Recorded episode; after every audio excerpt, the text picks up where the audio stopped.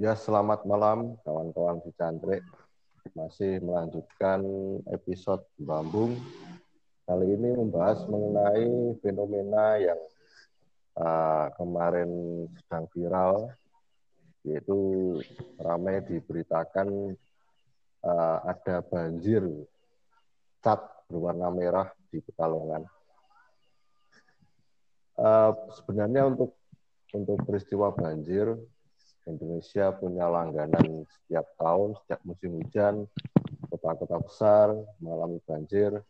Kita semua tahu bahwa kodrat fitrahnya dari air adalah mengalir dari dataran yang tempat yang lebih tinggi ke rendah. Sedangkan kita juga semua sadar bahwa manusia punya andil sebagai penyebab banjir itu sendiri.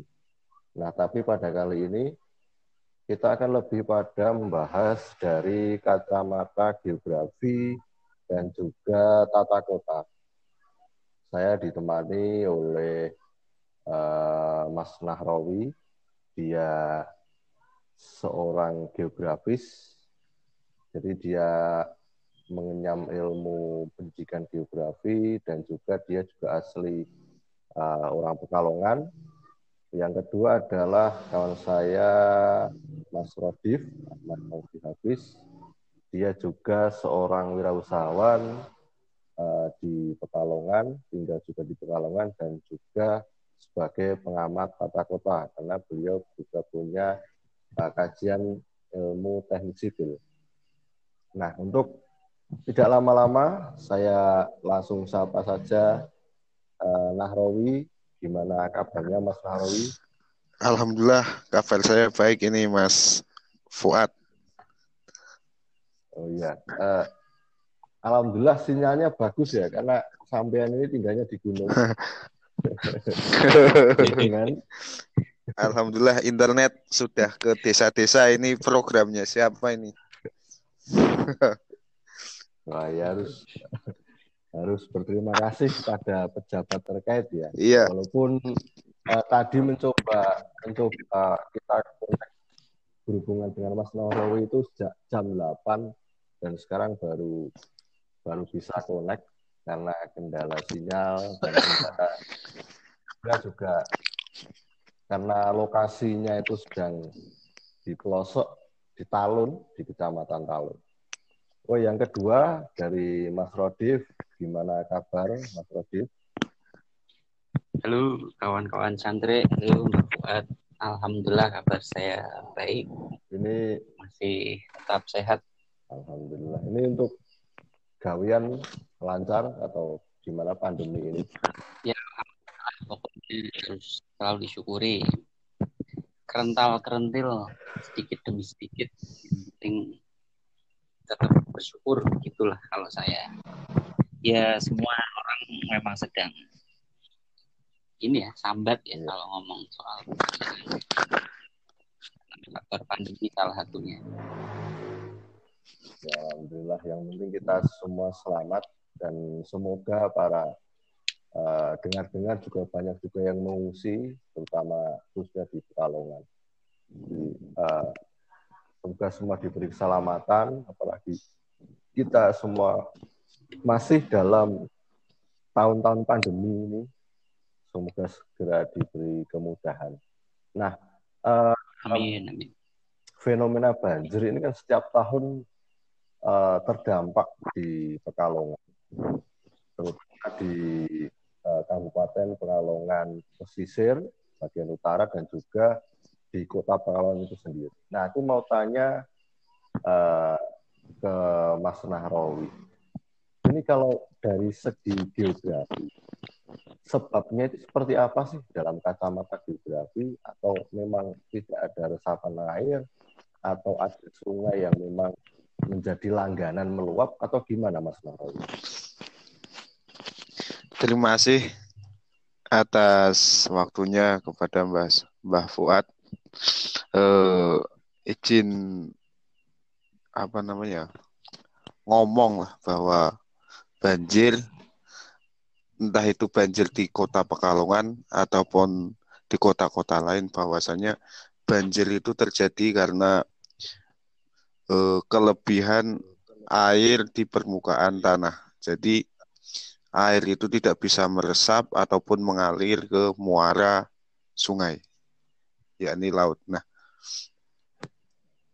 banjir ini terjadi di daerah dataran banjir atau yang sering disebut daerah aluvium.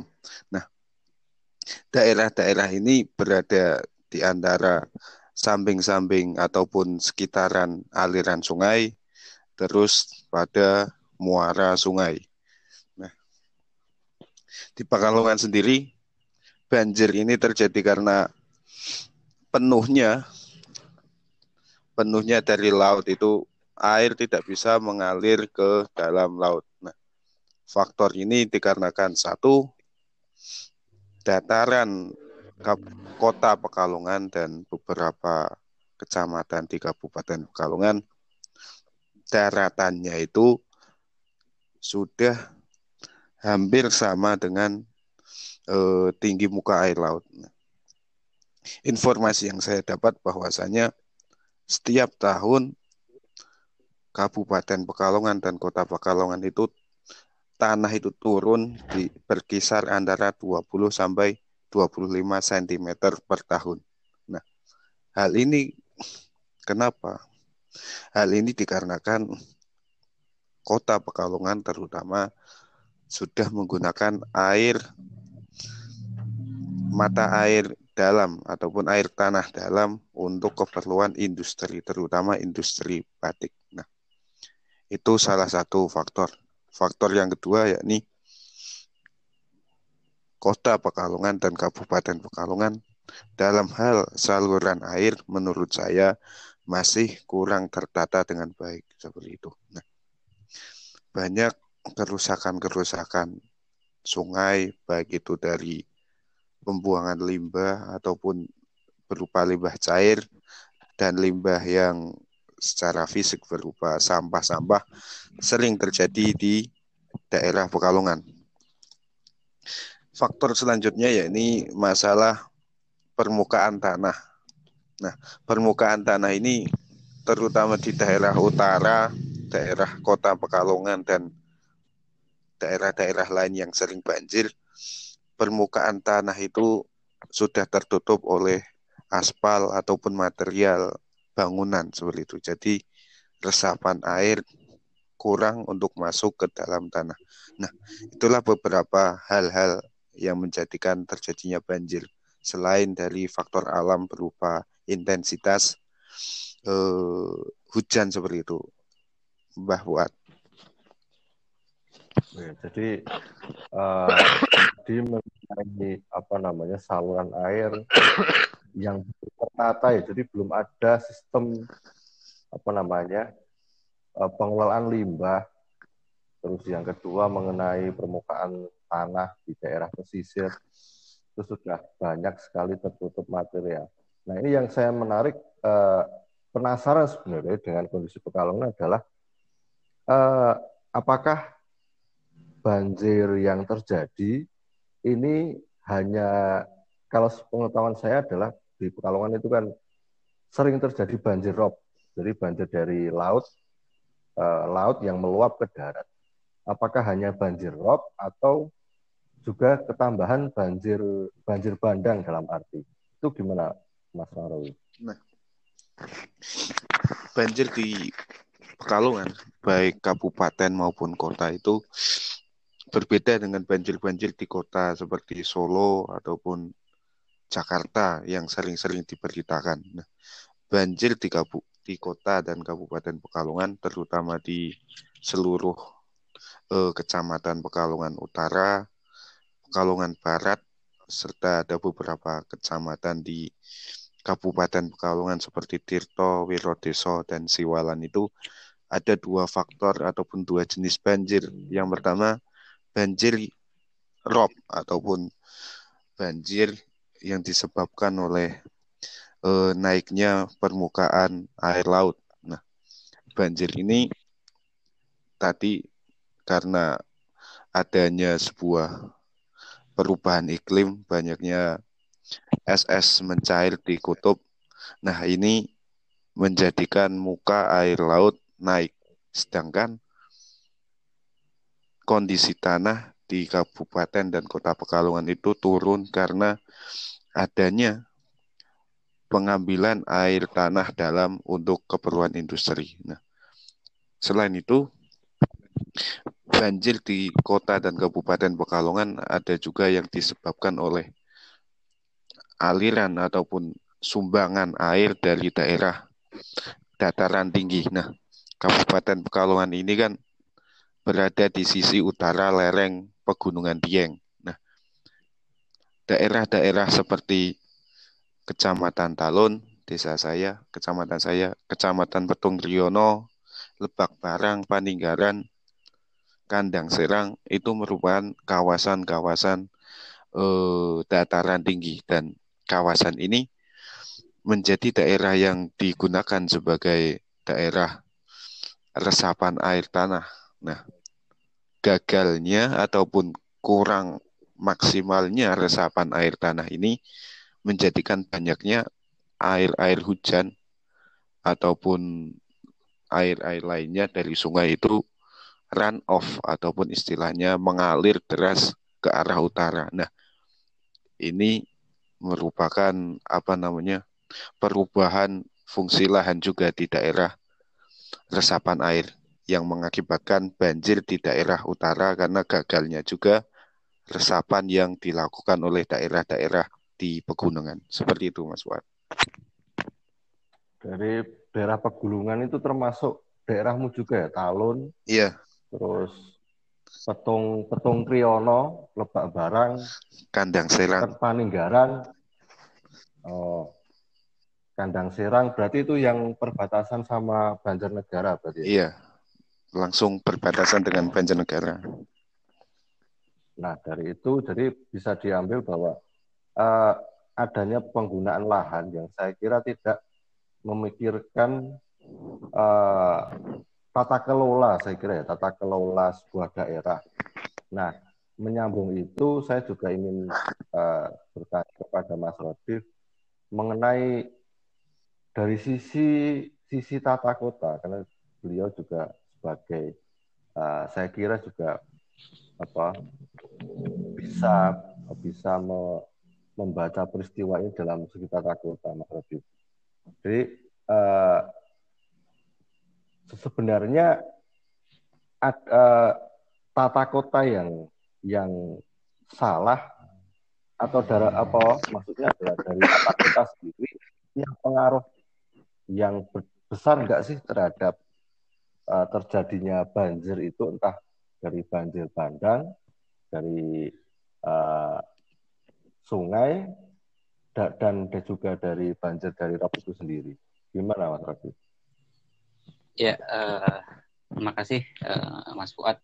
Ini tadi mendengarkan penjelasan dari Mas Nahrawi itu saya jadi minder gitu. Wah dia saintifik banget ya seperti dosen sudah layak lah kalau tampil jadi narasumber di televisi itu persis banget itu saya membayangkan wah ini memang keren keren keren banget mungkin di podcastnya Mbak Fuad ini podcast Chandrik ini kayaknya baru Nahrawi yang yang apa memberi iya. penjelasan yeah, iya. sesaintifik yeah. itu gitu.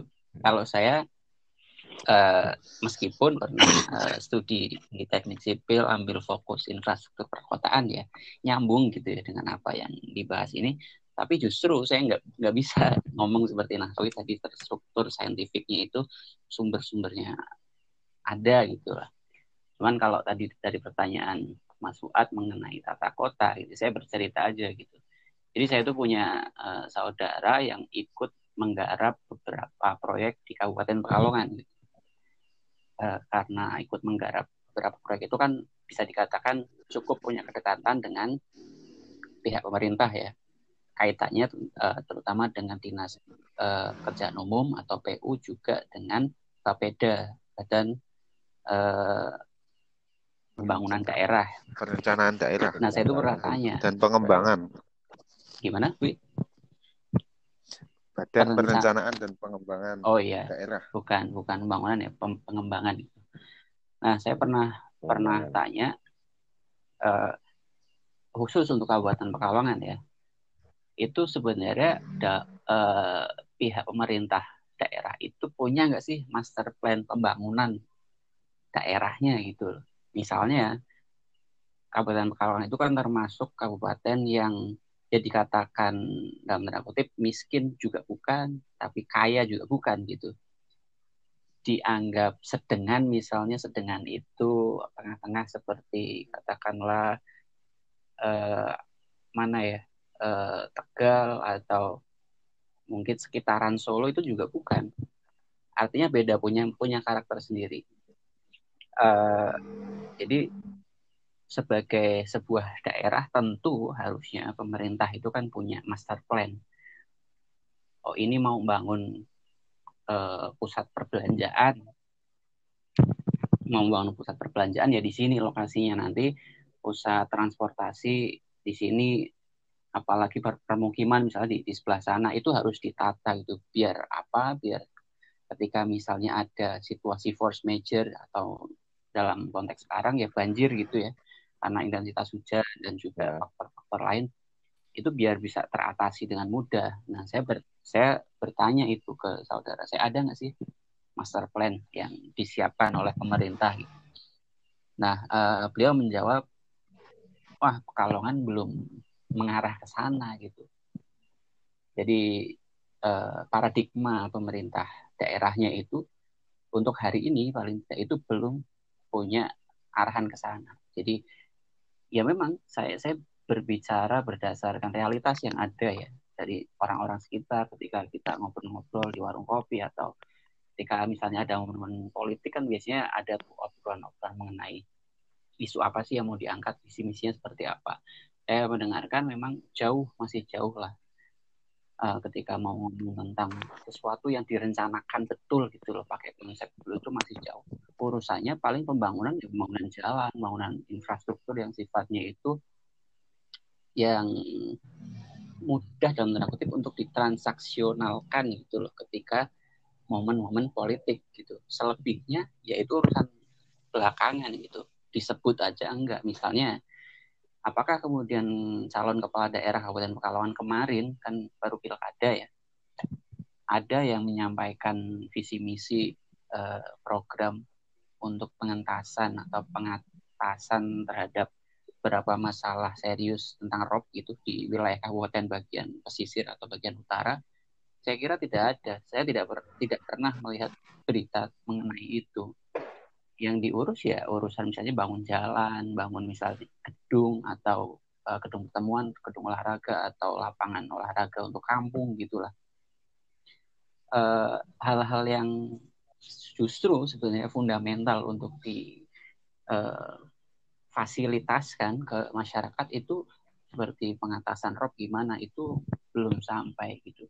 Nah karena paradigma yang memang masih jauh mengarah ke sana, jadi ya mau tidak mau ketika ada kejadian misalnya banjir atau misalnya di wilayah yang tadi disebutkan oleh Nahrawi di beberapa titik yang di pegunungan itu ya seperti Kandang Serang, Ketung Kriono, Barang Paninggaran itu sampai sekarang ketika eh, apa musim hujan itu masih sering longsor.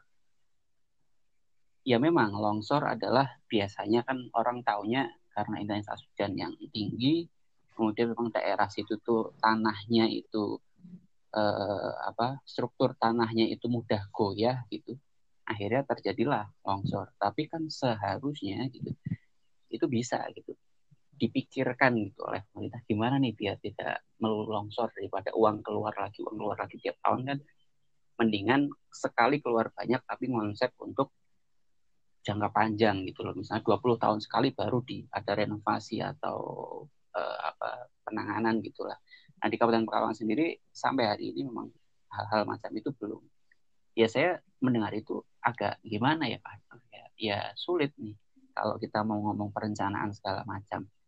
Karena pemerintah daerah sendiri memang belum mengarah ke sana. Dan juga kalau ngomong tata kota, di tempat saya paling tidak ya, eh, kabupaten di bagian saya tuh nyebutnya kabupaten di bagian tengah kalau tempat saya itu itu sudah susah untuk ditata karena ya mungkin pada umumnya di Indonesia lah ya daerah itu ada dulu perkampungan baru mungkin dibangun titik-titik apa fasilitas umumnya jalan atau apa jadi susah ketika kemudian terjadi situasi force major gitu bencana atau apa itu susah. Nah di tempat saya permukiman udah penuh banget. Resapan air atau drainase gitu itu minim kalaupun ada pengelolaannya buruk. Jadi dekat dekat sekali dengan tempat saya. Alhamdulillah kalau tempat saya sendiri itu bebas banjir. Paling di jalan raya itu kalau hujannya agak tinggi dan stasinya beberapa titik itu terjadi banjir banjirnya itu. Gini kalau tadi Nahrawi bilang banjir adalah uh, tanah yang sudah tidak lagi mampu tidak lagi mampu menampung air sehingga banjir ya. Nah itu persis karena apa tidak ada drainase saluran airnya itu mampet atau sama sekali bahkan tidak ada saluran airnya sehingga akhirnya cuman bahasa Jawanya ngecembeng lah atau kalau bahasa di berita gitu menggenangi jalanan dan itu butuh waktu cukup lama agar air bisa meresap ke dalam tanah. Nah, di beberapa titik kan sampai akhirnya masuk ke halaman rumah orang, ke teras rumah orang gitu. Nah, eh, itu karena drainasenya yang buruk sekali. Nah, eh, seperti di misalnya yang padat penduduk ya, itu sudah wilayahnya bisa dibilang mungkin beberapa ya kumuh, kemudian drainasenya buruk. Eh, sungai-sungai itu bukan lagi sungai yang airnya bukan coklat lagi gitu. Kalau coklat masih mending, ini sudah hitam gitu. Karena apa? Mampet air itu. Pengelolaan sampah yaitu semua kan apa? menyambung ya. Eh, pengelolaan sampahnya masih buruk. Jadi eh, ketika hujan deras ya sudah banyak tuh air-air di sungai. Akhirnya sungai-sungai kecil padahal itu meluap selokan kecil-kecil itu juga sudah tidak lagi mampu menampung atau meresapkan airnya ke dalam tanah. Akhirnya meluaplah ke komplek permukiman warga. Dan terjadilah gitu. Dan bisa dibilang mungkin Arwi lebih lebih berkompeten ngomong datanya ya ada banjir eh, tahunan sekian tahun 10 tahun atau berapa tahun di Pekalongan itu pasti ada banjir besar gitu. Nah itu harusnya sudah bisa diantisipasi kalau kalau pemerintahnya mempunyai etikat baik bikin master plan ini. Oh misalnya 10 tahun ke depan Pekalongan bakal banjir lagi nih berarti mulai sekarang harus disiapkan tuh infrastrukturnya apa gitu. Apakah warganya diajak untuk bareng-bareng ngerawat kayak nase, selokan-selokan air atau apa selama ini belum gitu. Saya kira warga masyarakat Kalong meskipun sampai hari ini bisa dibilang masih cuek-cuek ya terhadap masalah-masalah ini. Bahkan kemarin kan yang viral videonya itu di wilayah Pekalongan Utara banjir tapi malah pada joget-joget ya. Ya dari sudut pandang itu seneng artinya orang banjir pun bahagia gitu ya, tetap bisa seneng. Nggak nggak apa sambat-sambat terus gitu loh. Tapi menjadi hal kontradiktif gitu loh bagi pemerintah harusnya. Ya itu bisa diatasi dong gitu loh. Nah saya kira kalau ngomong kaitannya dengan tata kota mungkin seperti itu dulu Mas Umar. Oh iya, jadi uh, kalau sampean itu berarti di Kedunguni. Iya, saya ya? tinggalnya di Kecamatan Kedunguni itu ya kira-kira dibilang wilayah tengah lah. Jadi bukan dataran tinggi, ya. tapi masih ada dataran rendahnya lagi ketimbang Kedunguni. Oh, jadi memang uh, saya, saya kira rata-rata tiap daerah itu memang belum punya master plan mengenai tata kota. Jadi kayak kalau di Boyolali, saya orang Boyolali, di Boyolali itu memang ya uh, dari Solo Raya saya kira tata kota yang paling bukan buruk ya, tapi memang tidak tertata, susahan karena seharusnya seperti uh, di pusat kota yang sekarang ini kan Boyolali itu paling sepi daripada kabupaten yang lain. Di Karanganyar ada pusat keramaian, di Solo, di Sukoharjo, di Wonogiri, di Seragen. Uh, Seragen itu ada. Tetapi di Boyolali itu nggak ada. Karena memang di pusat kota sudah penuh dengan pemukiman. Sehingga eh, pos-pos uh, keramaian itu sekarang itu mulai dibangun alun-alun di tiap tiga kecamatan itu ada alun-alun supaya ada ada pusat keramaian bagi masyarakat. Nah, itu pun kalau di Bali kan berdampak pada, saya kira berdampak pada ekonomi masyarakat UMKM, lalu berdampak juga dengan uh, administrasi, dengan letak geografi seperti itu.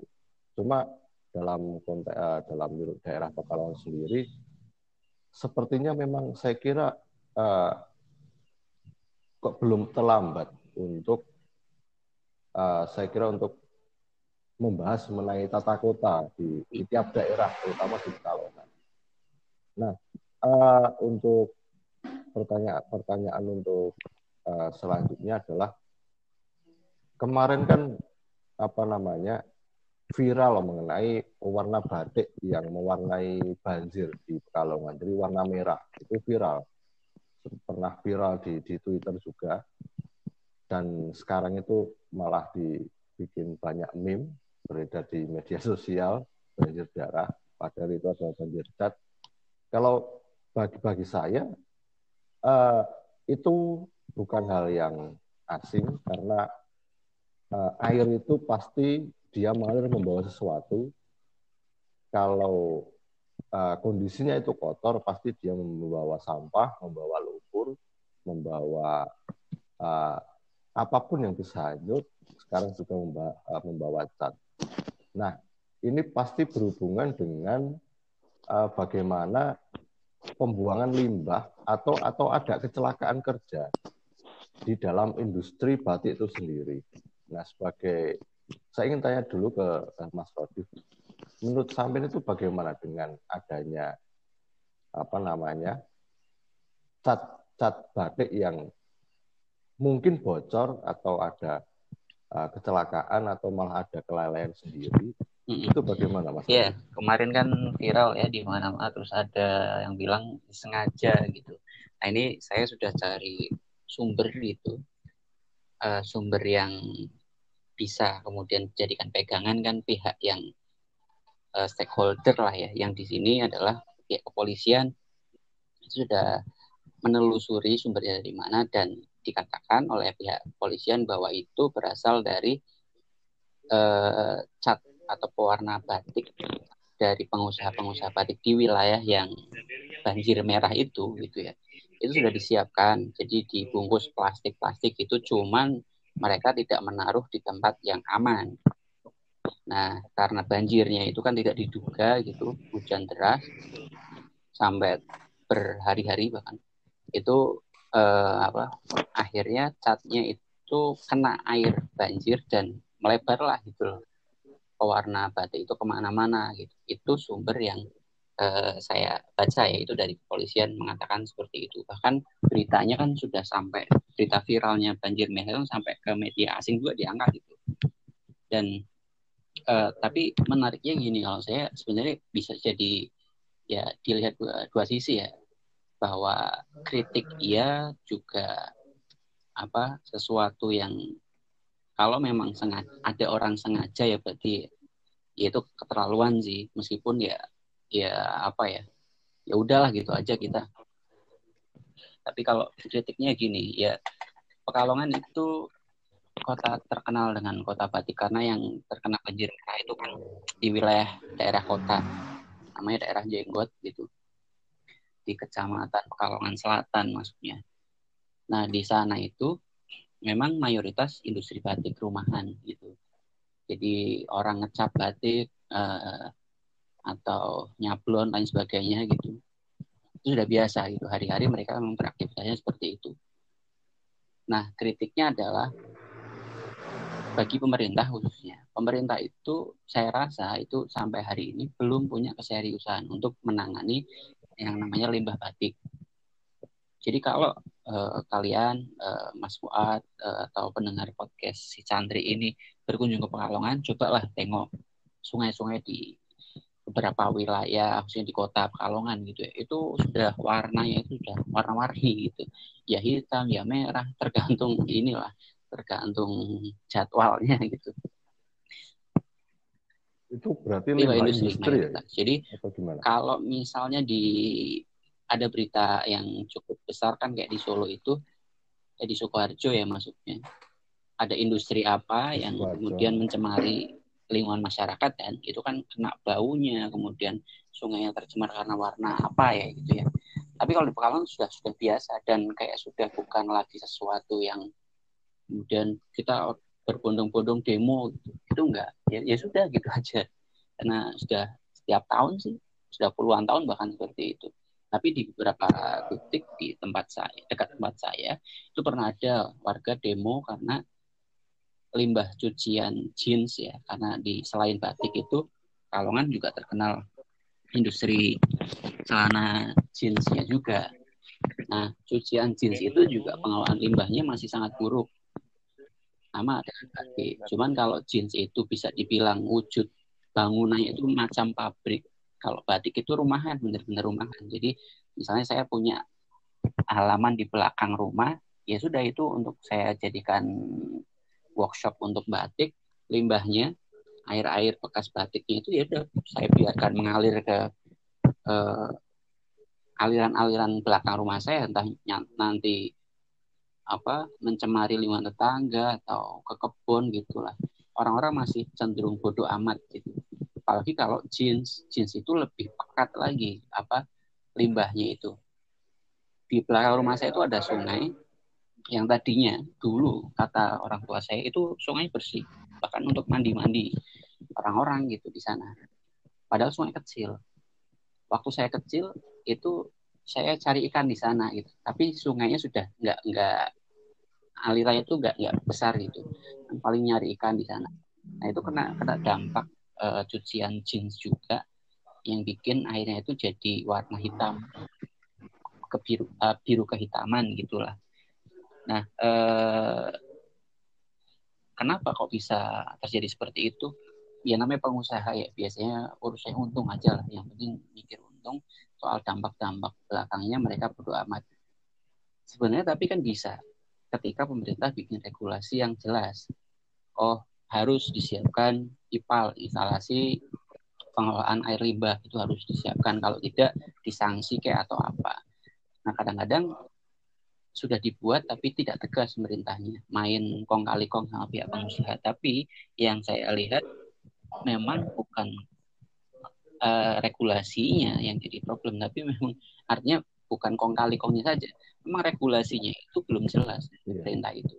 Termasuk uh, ya apa pun itu limbahnya belum belum jelas lah. Akhirnya kayak dibiarkan aja itu kak. Sungai-sungai yang berwarna-warni itu di Pekalongan ya kayak jadi ya tempat wisata dan kutip wisata kumuh lah gitu. Makanya kemarin viral itu kan justru oleh beberapa netizen kan kayak jadi apa ya wisata kan bukan bukan bencana gitu iya. loh. Tapi malah jadi wahana wisata kan aneh ya. Uh, unik sih uniknya kesehatan karena saya pernah gini pernah dengar ada seorang waktu itu saya diskusi ngomongin tentang rob gitu. Nah, pihak pemerintah Pekalongan kota khususnya itu pernah ngomong ya cara penanganan terhadap bencana rob itu ya. Ya disyukuri lah namanya bencana gitu. Gimana lagi? Kan karena rob akhirnya kita bisa punya tambak-tambak itu bangun tambak bisa ada apa ya itu bagus gitu loh dalam tanda kutip untuk menghibur warga masyarakat biar tidak melulu mengeluh gitu loh. Ada kok hikmah di balik banjir itu ada. Iya gitu. Cuman kan ya tetap aja bencana gitu. Yang harusnya kalau kita bisa mengatasinya ya diatasi dong gitu loh. Nah karena mindset itulah yang mungkin bikin warga Pekalongan itu slow gitu loh. Ada banjir ya udah malah dinikmati senang-senang aja kita main-main gitu loh. nah apa ironinya harusnya ini jadi PR besar sih buat pemerintah, buat masyarakat juga biar gimana caranya biar kayak gini tuh tidak terus menerus terjadi. Ya pengusaha juga kudu sadar gitu loh. Karena rata-rata kan pengusaha itu udah puluhan tahun mereka berjalan usahanya. Belum mungkin belum mengenal yang namanya pengetahuan pengelolaan air limbah itu gimana belum mengenal. Nah pemerintahnya juga masih cuek. Dulu nggak ngerasa gitu kalau itu penting. Setelah kena dampaknya baru mungkin semua pihak merasa oh iya ya kok saya kira itu sih kalau ngomong kemarin nih fenomena viral banjir warna itu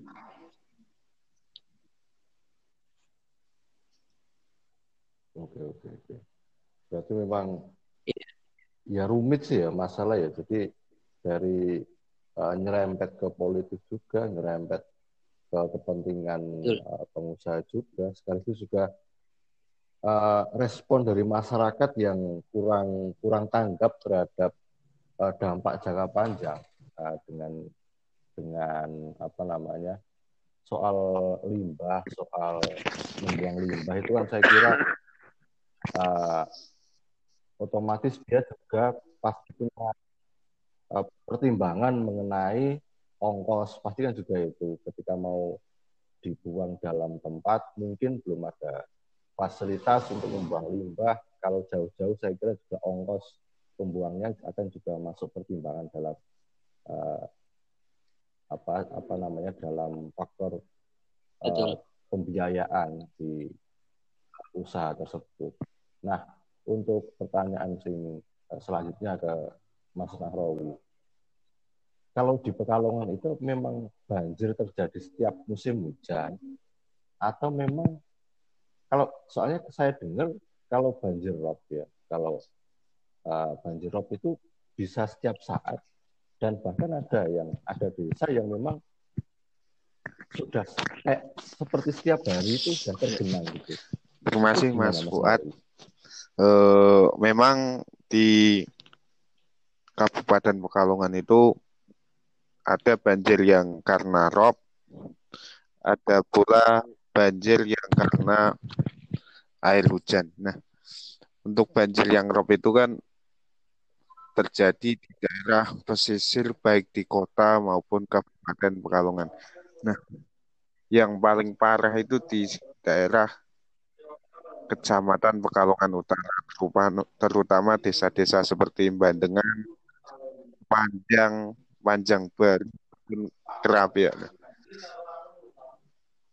Ada beberapa titik di kota Pekalongan yang memang sudah menggenang. Genangan ini akibat dari air laut. Nah, ada hal yang menjadikan genangan ini kadang tidak bisa keluar dari daerah itu karena satu sudah ada tanggul yang kedua eh, sekitaran dari genangan itu sudah diuruk. Nah, ini yang menjadikan genangan-genangan itu masih menetap di, di tempat tersebut. Yang sering bisa dilihat oleh umum ya ini seperti di daerah Pantura, Kaliwungu, daerah Kendal. Nah, itu kan samping-samping jalur Pantura itu sudah ada air yang tidak bisa keluar dari situ karena memang aksesnya sudah ditutup. Nah, itu banjir karena rob. Nah, rob sendiri itu bisa terjadi sewaktu-waktu, terutama di bulan-bulan yang menjadikan pasang naik air laut itu air rob pasti akan lebih naik. Nah, banjir lainnya di Kabupaten Pekalongan maupun Kota Pekalongan itu akibat dari air hujan ataupun intensitas air hujan. Nah, kalau banjir yang semacam itu terjadi hanya di musim penghujan saja karena eh, kabupaten ataupun kota Pekalongan daerah-daerah itu kelebihan air sehingga tidak bisa terbuang ke laut ataupun masuk ke dalam tanah seperti itu Mas Wad.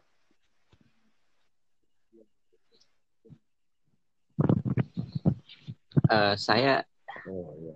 ikut Jadi, ikut uh, nimbrung ya iya, ngomong-ngomong soal rob. Karena kebetulan kemarin sempat ada apa teman-teman Greenpeace kerja sama-sama Watchdog itu bikin video lah film gitu film untuk tayang di YouTube mengenai rob. Salah satu lokasi yang diambil adalah Pekalongan gitu. Nah uh, dan kebetulan juga karena saya sebagai orang yang kerjanya jualan ya salah satunya jualan batik. Nah jadi tahu gitu cukup tahu tentang beberapa titik yang memang sangat terdampak rob. Nah, kalau tadi Nahrawi bilang di wilayah Pekalongan Utara beberapa kelurahan yang sudah parah ya, mungkin yang termasuk yang terparah namanya daerah Pasir Sari atau Jeruk Sari. Saya pernah ke sana itu wilayahnya perbatasan sama Kabupaten Pekalongan. Bagian itu Itu kota, kota tapi kota, ada ada wilayah tahu. kabupaten juga gitu. Namanya Kecamatan Tirto kalau kabupatennya. Oh. Nah, di sana itu desa mati itu ada ada betulan gitu loh. Saya sendiri udah pernah lihat. Jadi kalau eh, teman-teman ke Pekalongan coba lewatin daerah situ ya. Jadi kalau lewat Jalan Pantura itu naik belok ke utara gitu. Menelusuri jalan-jalan di kampung situ itu sudah waduh nggak nggak karuan gitu loh miris. Jadi tanah itu makin ditinggikan eh, situasinya. Jadi sudah diuruk terus uruk terus gitu. Eh, jalanannya jalan ini tanah gitu karena masih terus pembangunan pembangunan terus. Nah kawasan situ yang dulunya permukiman rumah-rumahnya masih ada tapi sudah tidak berpenghuni itu desa mati betulan.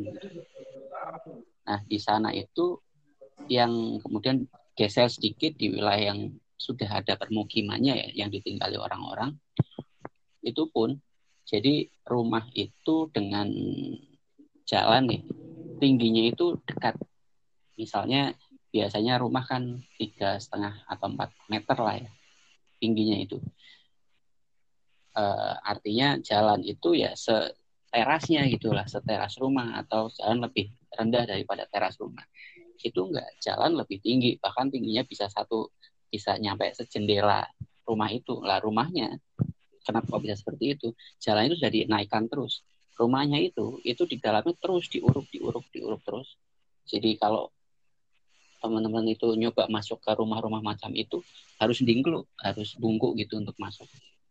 Karena pintunya itu masih pintu utuh, tapi eh, apa keramik rumahnya itu lantai rumahnya itu sudah ditinggikan.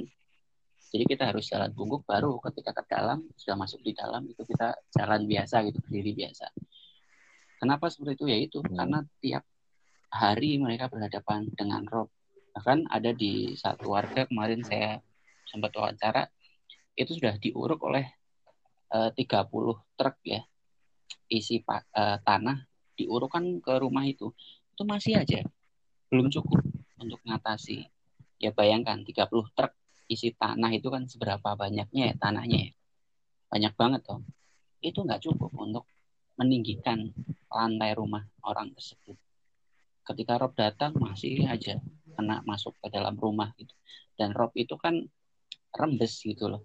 Airnya tuh bukan kayak banjir yang mengalir deras itu enggak. Itu kecuali kalau kalau sama campur banjir. Tapi kalau rob aja itu merembes. Jadi sore-sore gitu ya kadang-kadang di jalan itu tiba-tiba air muncul kayak dari tanah gitu muncul muncul muncul di beberapa jalan. Bahkan siang hari panas panas. Situasinya panas di beberapa jalan di kota Pekalongan Utara itu ya tergenang tergenang. Itu dari mana? Ya rob yang merembes. Jadi banjirnya itu jangan dibayangkan kayak banjir ketika hujan gitu ya di Jakarta itu enggak. Tapi jalanan yang agak landai gitu nanti tergenang air. Di beberapa kawasan lagi tergenang air. Nah yang daerah ter, ter- termasuk terparah itu tadi tadi Jeruk Sari di sana memang jadi salah satu ini kawasan batik eh, sentral batiknya lah untuk pewarnaan batik itu banyak orang-orang memburukan ke warga sana. Itu juga berdampak kalau tadi Nahrawi bilang eh, apa muka tanahnya itu cenderung turun karena diambil terus air tanah dalamnya itu ya itu memang nyata gitu.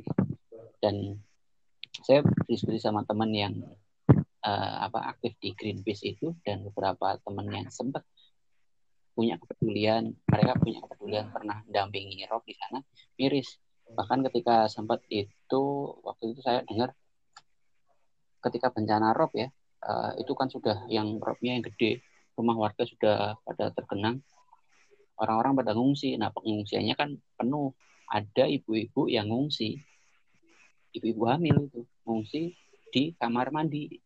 Tempat man- kamar mandi umum itu WC umum di sana di kamar WC umum itu ibu-ibu itu melahirkan melahirkan anak gitu. Berita yang seperti itu tidak pernah di kota khususnya kota Pekalongan itu diangkat beritanya jadi eh, ya sudah ditutup semua gitu. Medianya sudah dalam tanda kutip kong kali kong sama pemerintah. Makanya nggak ada itu berita Rob yang mengkritik habis itu pemerintah kota Pekalongan maupun kabupaten Pekalongan nggak ada.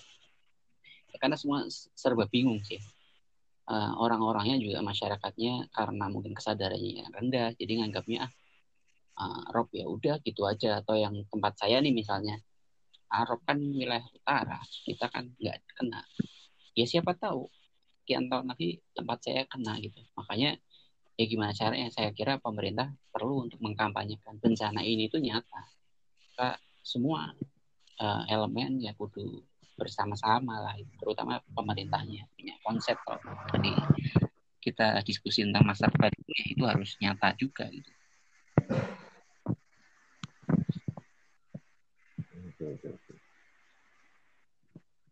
Jadi, uh, uh, jadi memang daerah daerah di pesisir utara memang rata-rata bisa saja dalam setiap hari bahkan musim panas itu ada daerah yang memang yeah. tergenang air. Uh, kalau air, Nahrawi air, pernah air, ke air, wilayah pesisir nggak, Wi?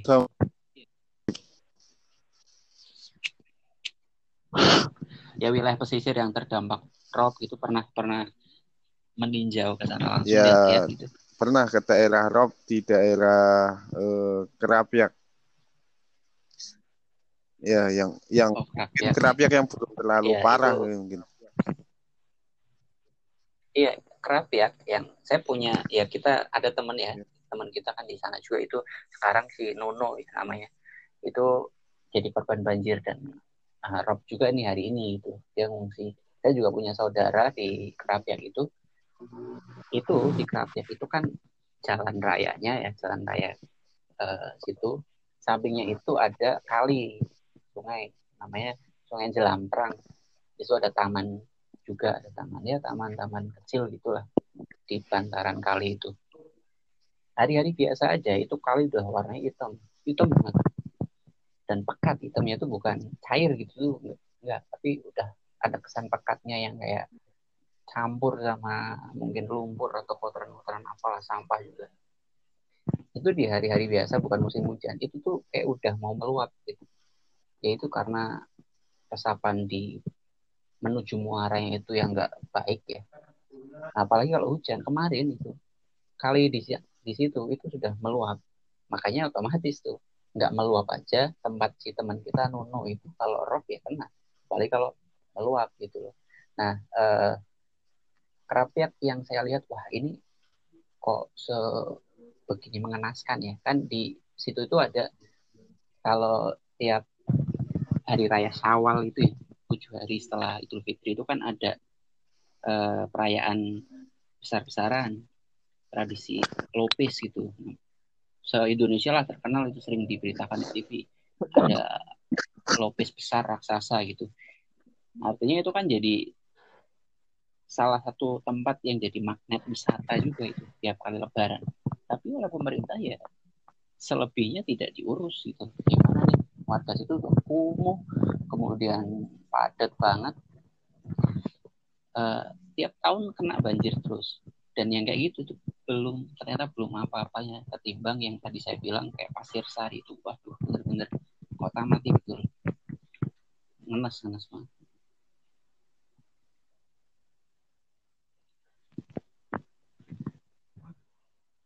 Ya, uh, jadi ya agak agak susah ya sebenarnya mas uh, untuk permasalahan banjir Pekalongan. Karena kalau di kota-kota besar uh, sumber banjir banjir bandang itu rata-rata memang yang pertama airnya itu dari dari sungai, dari kurangnya resapan. Tetapi kalau di Pekalongan terutama di pesisir ini dari dataran yang lebih tinggi dari daerah uh, lebak barang, peninggalan.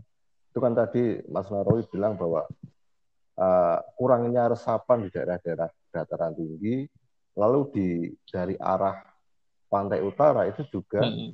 ada desakan air laut gitu. Ya, itu kan tabrak air kan? Ya, ya mengerikan ya, kalau tabrak air gitu. Apalagi yang itu yang daerah tengah-tengah yang kalau uh, mungkin ya kalau yang saya lihat uh, melalui peta daerah bandingan kadang kandang panjang ya. Kandang panjang, pandang wetan, Krapia itu kan kayak tempat bertemunya antara uh, air dari resapan tanah dan juga air dari laut. Nah, untuk uh, untuk pertanyaan yang terakhir, uh, saya ingin dari Mas Narawi dulu pandangan menawi, uh, mengenai banjir dan kira-kira uh, solusi dengan masalah ini apa? Karena gini, kalau menurut pandangan saya adalah uh, kalau kita menggunakan kata bencana bahwa banjir adalah bencana, terus tsunami, lalu ada uh, gunung meletus, itu beda. Banjir adalah peristiwa yang berbeda karena uh, itu terjadi ketika ada luapan air yang berlebih dan saya kira uh, penyebab air berlebih itu juga atas ulah manusia. Ada 50% lebih itu adalah ulah manusia itu sendiri. Berbeda dengan bencana yang lain, kayak gunung meletus itu memang saya kira juga pure uh, tangan malaikat-malaikat tangan Tuhan lah. Nah, ini bagaimana uh, dari segi pandangan Mas Nahrawi ini mengenai fenomena yang terjadi dan kira-kira kalau tidak ada perubahan dalam jangka waktu 5 sampai 10 tahun ke depan ini kira-kira akan punya ya, dampak ya, yang seperti apa? Menurut saya terkait eh, banjir di Pekalongan banjir yang diakibatkan rob itu mungkin dari eh, sepengetahuan saya belum ada yang sukses untuk mengatasi banjir rob seperti itu. Contoh lah yang yang sering apa namanya dijadikan kajian dalam geografi terkait rob itu yang terjadi di daerah kecamatan Kendal atau ikutnya Kabupaten Demak atau Semarang Demak. itu ikutnya Sayung itu Demak. Nah. Demak, Demak. Sedangkan Sayung itu kan terjadi rob yang sangat parah dan jalan-jalan sudah tidak terlihat lah. Ah sudah terlalu parah melebihi Kabupaten Pekalongan dan Kota Pekalongan. Itu kan karena adanya pengembangan yang namanya eh, apa ya istilah geografinya koyo bangun tanah ngurut seperti di daerah Jakarta lah pantai utara Jakarta. Sekarang itu ada yang membuat marin namanya kompleks sebuah tanah diuruk sebuah apa namanya laut diuruk untuk menghasilkan sebuah tanah yang bisa untuk dibangun. Nah, itu yang mengakibatkan rob di Sayung. Selain dari dampak lain kan di Kabupaten Pekalongan itu robnya itu menurut saya lebih cenderung karena pemanasan global. Nah, ini sulit diatasi karena hal-hal yang sangat kompleks seperti itu. Nah, hal-hal yang sudah dilakukan sepengetahuan saya ini sebuah usaha struktural dengan membangun benteng-benteng kokoh di pinggiran pantai akan tetapi itu juga berakibat fatal juga ketika air dari atas dari daerah eh, daerah dataran ataupun daerah daratan itu tidak bisa masuk ke sungai, tidak bisa masuk ke laut. Itu yang menjadi bahaya selanjutnya. Nah, menurut saya ya memang sulit untuk diatasi akan tetapi manusia bisa untuk beradaptasi dengan kondisi sekitarnya. Nah, hal-hal adaptasi ini yang memang perlu kita apa namanya edukasikan kepada masyarakat masalah adaptasi ini karena eh, apa sih masalah peraturan memang harus ditegakkan seperti tadi Mas Rotip sampaikan akan tetapi yang terjadi saat ini yakni sebuah edukasi pendampingan mengenai bagaimana upaya kita dalam menghadapi bencana ataupun menghadapi rob ini seperti itu Mas.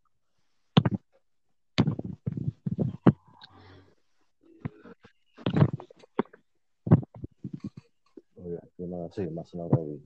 Kalau Mas Rogi sendiri dari kacamata dari saya kira dalam dalam tanah dunia industri ya dalam menghadapi uh, mengenai saluran limbah, saya kira itu juga uh, punya apa sebab yang sangat uh, sangat penting dalam dalam terjadinya banjir ini. Itu gimana untuk kira-kira untuk pandangan yeah. dan solusi? Jadi kalau, kalau saya sebagai pelaku salah satu pelaku usaha masih kecil gitu ya.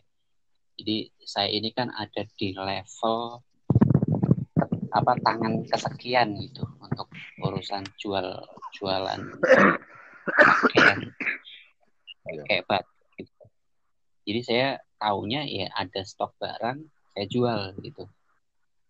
Nah saya tidak tahu proses produksinya itu seperti apa. Nah eh, saya berharapnya kesadaran untuk tahu oh batik itu berefek kayak gini atau pakaian apa pun lah punya efek seperti ini itu muncul gitu sehingga ketika kemudian kita ada di level produsen misalnya atau pengelolaan sejak awal produksi itu barang produksi itu misalnya batik warnanya gimana jeans seperti apa baju apa pun seperti apa itu sampai pada kesadaran oh aku perlu menyiapkan tata kelola limbahnya biar tidak asal gitu.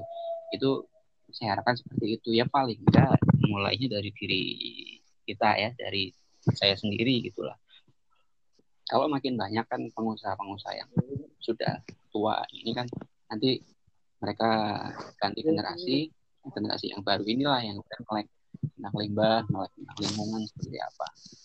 Jadi uh, biar kemudian tidak tahunya itu ya urusnya jualan penting barang laku gitulah uh, limbahnya seperti apa efek lingkungannya seperti apa kita nggak urusan. Itu dari sisi pelaku usaha.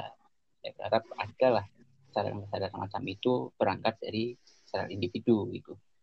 Nah, selanjutnya adalah karena masyarakat Pekalongan sampai hari ini itu memang bisa dibilang terkait limbah, efek lingkungannya itu masih apa ya, abai, cuek gitu. Ada penyebab kenapa bisa cuek seperti itu ya karena regulasi yang memang tidak jelas. Pemerintah tidak memberikan aturan-aturan jelas mengenai hal ini semua gitu. Sehingga ya perlu uh, mendorong pemerintah agar mulai mengetati gitu aturan-aturan mengenai limbah ini agar ya lingkungan tinggal kita bersama ini bisa tetap uh, lestari gitu. Jadi nggak melulu akhirnya wah kumuh atau sungainya kotor kalau banjir ya jadi makin parah gitulah. Itu dari sisi pemerintah uh, untuk kaitannya dengan industri ya karena pertanyaan itu tapi untuk mengenai uh, rob dan banjir yang sifatnya tahunan gitu ya, misalnya 10 tahun. Itu kan sesuatu yang sebenarnya bisa untuk disiapkan antisipasinya. Kalau rob itu tiap hari itu kejadian, tapi kan ya jangan kemudian kita pasrah. Harusnya seperti itu. Ya meskipun hari ini besok masih banjir, tapi ayolah bareng-bareng gitu. Apa yang bisa dilakukan gitu. Kalau bikin tanggul ya tidak cukup. Tiap hari masa bikin tanggul terus tapi air lautnya terus naik itu berarti bukan solusi yang pas nah bupati di tempat saya sempat yaitu ke Belanda katanya untuk mengkaji gimana sih Belanda itu mengatasi daerahnya eh, di Belanda itu kan muka tanahnya lebih rendah di muka air laut ya. Tapi kok mereka bisa gitu? Apa teknologi apa yang mereka bikin? Master plan daerahnya seperti apa? Nah bupati di tempat saya sempat belajar ke sana mengkaji tentang situasi di sana seperti apa mencoba untuk diterapkan.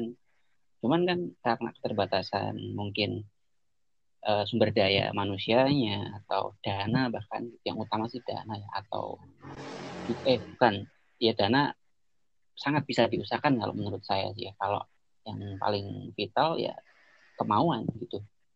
Uh, ada nggak goodwill dari pemerintah ini kemauan yang baik dari pemerintah ini untuk mengatasi ini semua?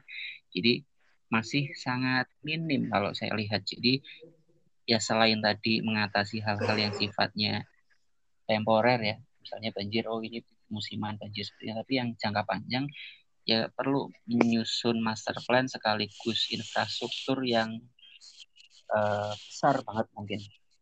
Bikin bendungan yang besar kayak atau uh, tanggul yang benar-benar tanggul gede gitu. Biar rob ini tidak terjadi dan masyarakat kemudian tidak perlulah kemudian mengungsi gitu loh.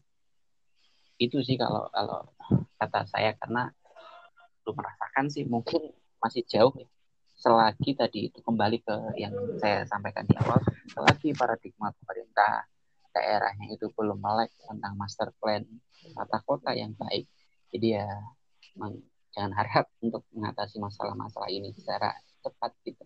Tapi saya rasa tidak ada yang tidak mungkin kalau uh, kita semua mau gitu loh. Itu sih mas Fuad